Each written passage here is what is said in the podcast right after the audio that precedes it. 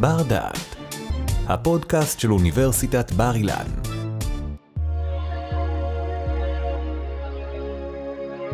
בשנת 922 לספירה, הסתובב המשורר הסופי על חוסיין אבן מנסור אל-חלאג' ברחובות בגדד, וזעק, אני האמת, אני האמת, שזה בערבית אנא אל-חק. מכיוון שבדת המוסלמית האמת היא אחת ממידותיו של אלוהים, הואשם אל-חלאג' בכפירה.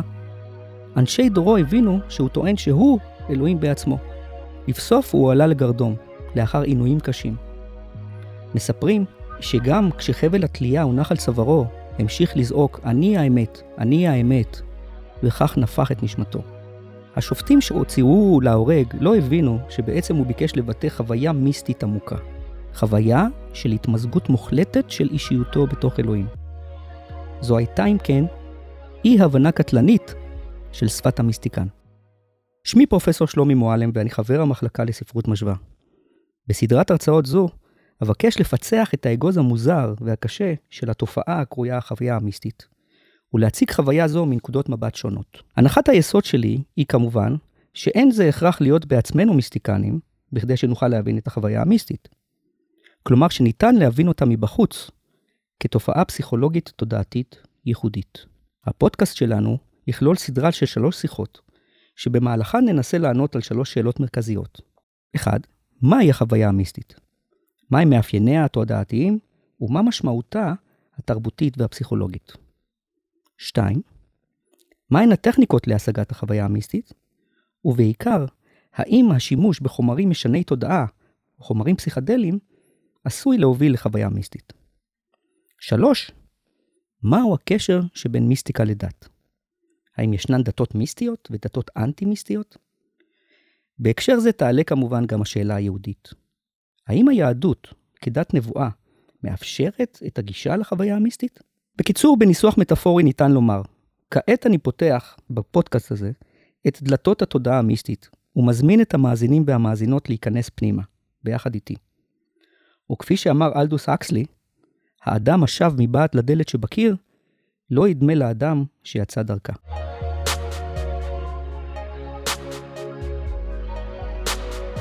נפתח בהצגת השאלה הקשה, מהי בכלל החוויה המיסטית?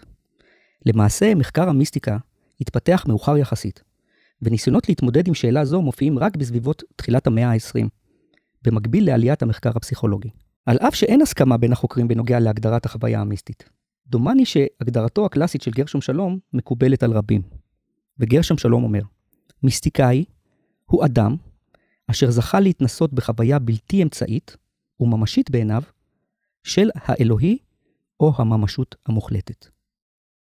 מתוך כך ניתן לומר, חוויה מיסטית היא חוויה של מגע ישיר עם מציאות מוחלטת. מציאות שיכולה להיתפס או כאלוהים, או כיקום עצמו, או כמוחלט או הנצחי. כלומר, זוהי חוויה מופנמת מאוד, אינטרוברטית, של מגע או איחוד עם האמת המוחלטת. ישנן אמנם עדויות נדירות של חוויה מיסטית קולקטיבית, אולם אנו נתמקד כאן בחוויה המיסטית האינטימית של האדם היחיד בבדידותו. ומהם מאפייני החוויה המיסטית? חוויית המגע הזה עם המציאות המוחלטת. אחד מן החוקרים הגדולים של חוויה זו היה ויליאם ג'יימס, שהוא גם אבי הפסיכולוגיה של הדת.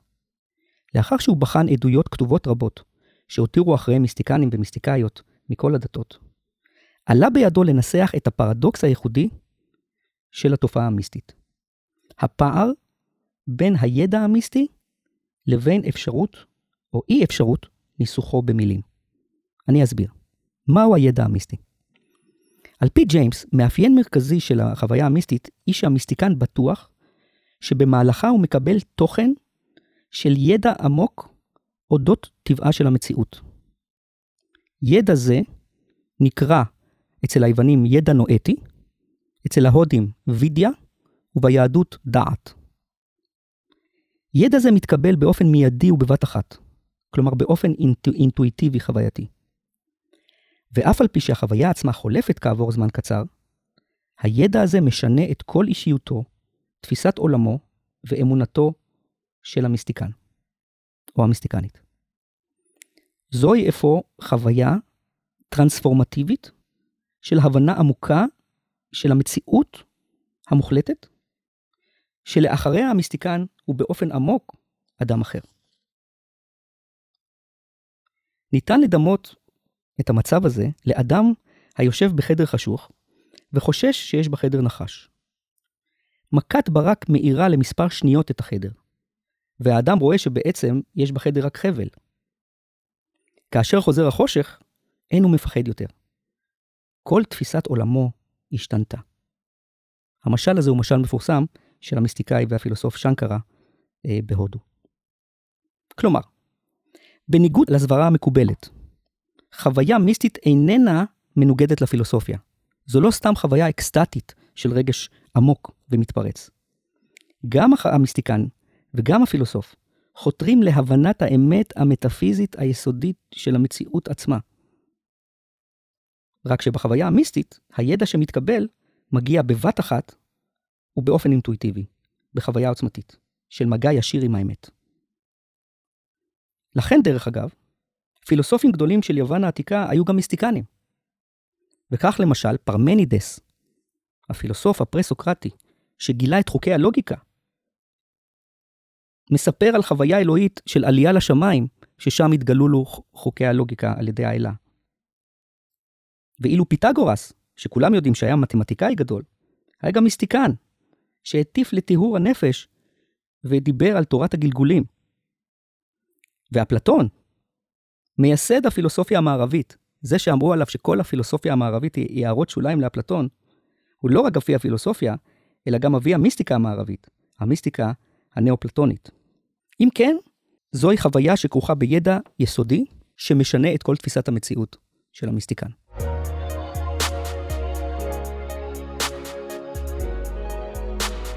המאפיין היסודי של החוויה המיסטית על פי ויליאם ג'יימס, הוא שהיא איננה ניתנת למסירה לאחרים.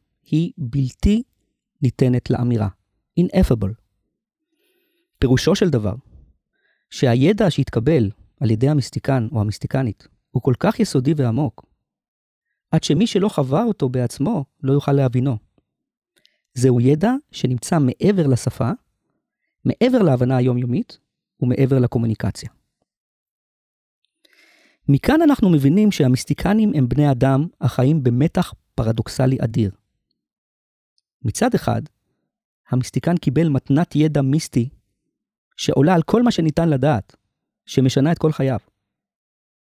מצד שני, לא ניתן להעביר ידע זה לאחרים.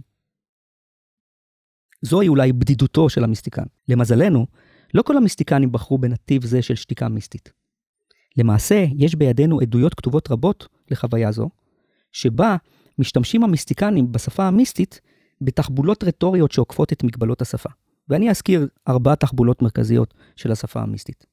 הראשונה היא השימוש בשפות, בשפה של מטאפורה או של סמלים, כמו המטאפורה של הברק שהזכרתי אה, לפני כן. השנייה היא השימוש בשפה פרדוקסלית, שסותרת את הלוגיקה האנושית, כמו להגיד על אלוהים למשל, שהוא שמש שחורה. השלישי הוא שימוש בשפה שוללת, שהיה מאוד מאוד חביב על המיסטיקנים ההודים, ובהודו העתיקה היה את הנוסח נטי נטי, לא זה ולא זה. זוהי השפה ששוללת ולא אומרת דבר. ואילו התחבולה הרביעית היא שימוש בשפת רמיזה, שפה שמצביעה אל האמת הבלתי ניתנת לאמירה.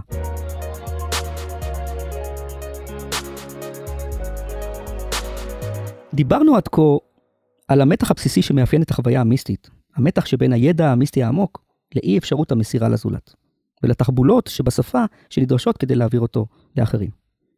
כעת נשאל שאלה מזווית אחרת. מהי משמעותה הפסיכולוגית והתודעתית של חוויה מעין זו? כאן ניתן לנסח ארבע תשובות מרכזיות, שהן, באופן לא מפתיע, שונות זו מזו באופן לא מהותי. ההסבר הפסיכואנליטי, ההסבר האוניברסלי, ההסבר הפוסט-מודרני, וההסבר של ריבוי התודעות. נתחיל בהסבר הפסיכואנליטי של זיגמונד פרויד. פרויד מתייחס לחוויה המיסטית במאמרו תרבות בלא נחת משנת 1930, כשהוא מנסה לענות על השאלה מהו הרגש האוקיאני? מהמילה אוקיינוס. זהו רגש שבו האדם חש שהוא מתמזג עם דבר מה בלתי מוגבל או נצחי, כמו טיפת מים בתוך אוקיינוס. אז פרויד שאל, נשאל מה זה הרגש הזה. והוא מעניק כמובן הסבר פסיכואנליטי בנוגע למקורה של חוויה זו, שהוא תפס כחוויה מיסטית או אוקיינית. וכך הוא אומר, תפיסת העצמי הבוגר שלנו, העצמי הנורמטיבי של האדם, שמתקיים במסגרת חברתית בריאה, היא למעשה רק שיעור מצומק של תחושת עצמי מקיפה לאין ארוך שהייתה לנו פעם כשהיינו ברחם. במקור, תחושת העצמית הראשונה שלנו, הראשונית, כעוברים ברחם האם, הייתה תחושה שבה האני וסביבתו נחוו כדבר אחד. העובר אינו מפריד בין עצמו לבין העולם. במילים אחרות, העובר ברחם הוא העולם. כלומר, הוא בלתי מוגבל, הוא אומניפוטנטי ובעל כוח בלתי מוגבל. זהו מקורו, על פי פרויד, של הרגש האוקיאני. לאחר מכן, אומר פרויד, כשאנו נולדים ועוברים תהליך של סוציאליזציה, מופרד העצמי של האדם מהמציאות וממוקם בתוכה. ואז נותר לנו עצמי מצומק בתוך עולם של חברה גדולה. אולם בשכבה עמוקה של הנפש, ישנו עדיין רובד סמוי של תחושת העצמי הראשונית, של הרגש האוקיאני. וכאן, אומר פרויד, ישנם אנשים מסוימים המסוגלים לסגת פנימה באמצעות טכניקות שונות כגון יוגה או תפילה מדיטטיבית, ולהתחבר מחדש לרגש האוקיאני הראשוני. כשנסיגה זו מתממשת, אז הם חשים שהם בלתי מוגבלים ונצחיים כמו היקום או אלוהים. והרגש האוקיאני הזה הוא, בעיני פרויד, החוויה המיסטית. אם כן, על פי פרויד, המיסטיקה היא נסיגה, רגרסיה, ליסוד הפרימיטיבי הראשוני של העצמי הנפשי.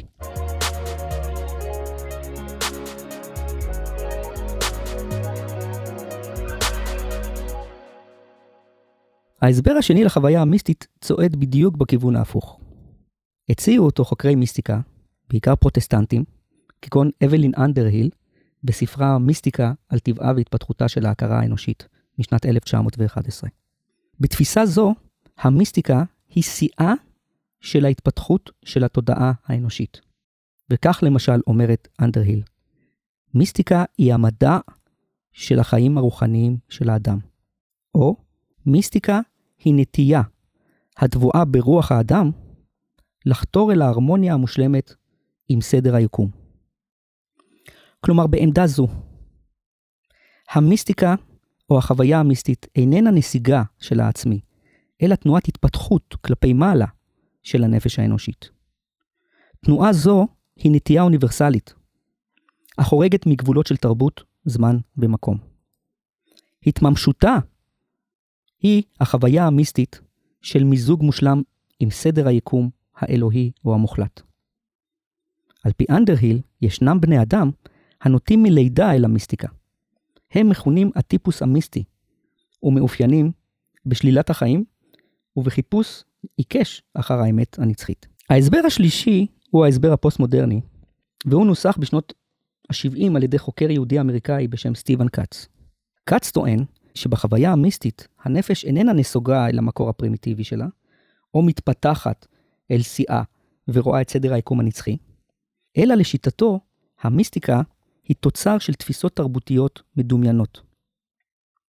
תחילה, הוא שולל את קיומה של חוויה, טהורה, כלומר, חוויה בלתי אמצעית וישירה. שהרי לטענתו, מבחינה פסיכולוגית, כל החוויות שלנו הן מובנות ומעוצבות כבר כשאנחנו חווים אותם, על ידי גורמים פנימיים וחיצוניים, וכך גם החוויה המיסטית. והוא שואל בצדק, מדוע המיסטיקן הבודהיסט נפגש עם בודה או הריק, ואילו המיסטיקן הנוצרי עם ישו או הצלב? תשובתו היא, משום שהחוויה המיסטית מעוצבת מראש, תוך כדי התרחשותה, על ידי תכנים דתיים, מבנים תרבותיים, שפה מסורתית ומוסכמות חברתיות. אלו הם מבנים מדומיינים, שנפש המיסטיקן מגיבה אליהם בתגובה פסיכוסומטית חריפה. כלומר, בעמדה פוסט-מודרנית זו, אין כאן מצב שבו החוויה המיסטית היא חוויה טהורה של מציאות מוחלטת, ואז המיסטיקן או המיסטיקנית מתרגמים אותה למושגים בשפתם ובתרבותם. אלא, החוויה עצמה היא תוצר של מערכות דימויים מדומיינות שמעצבות את חוויית המיסטיקן,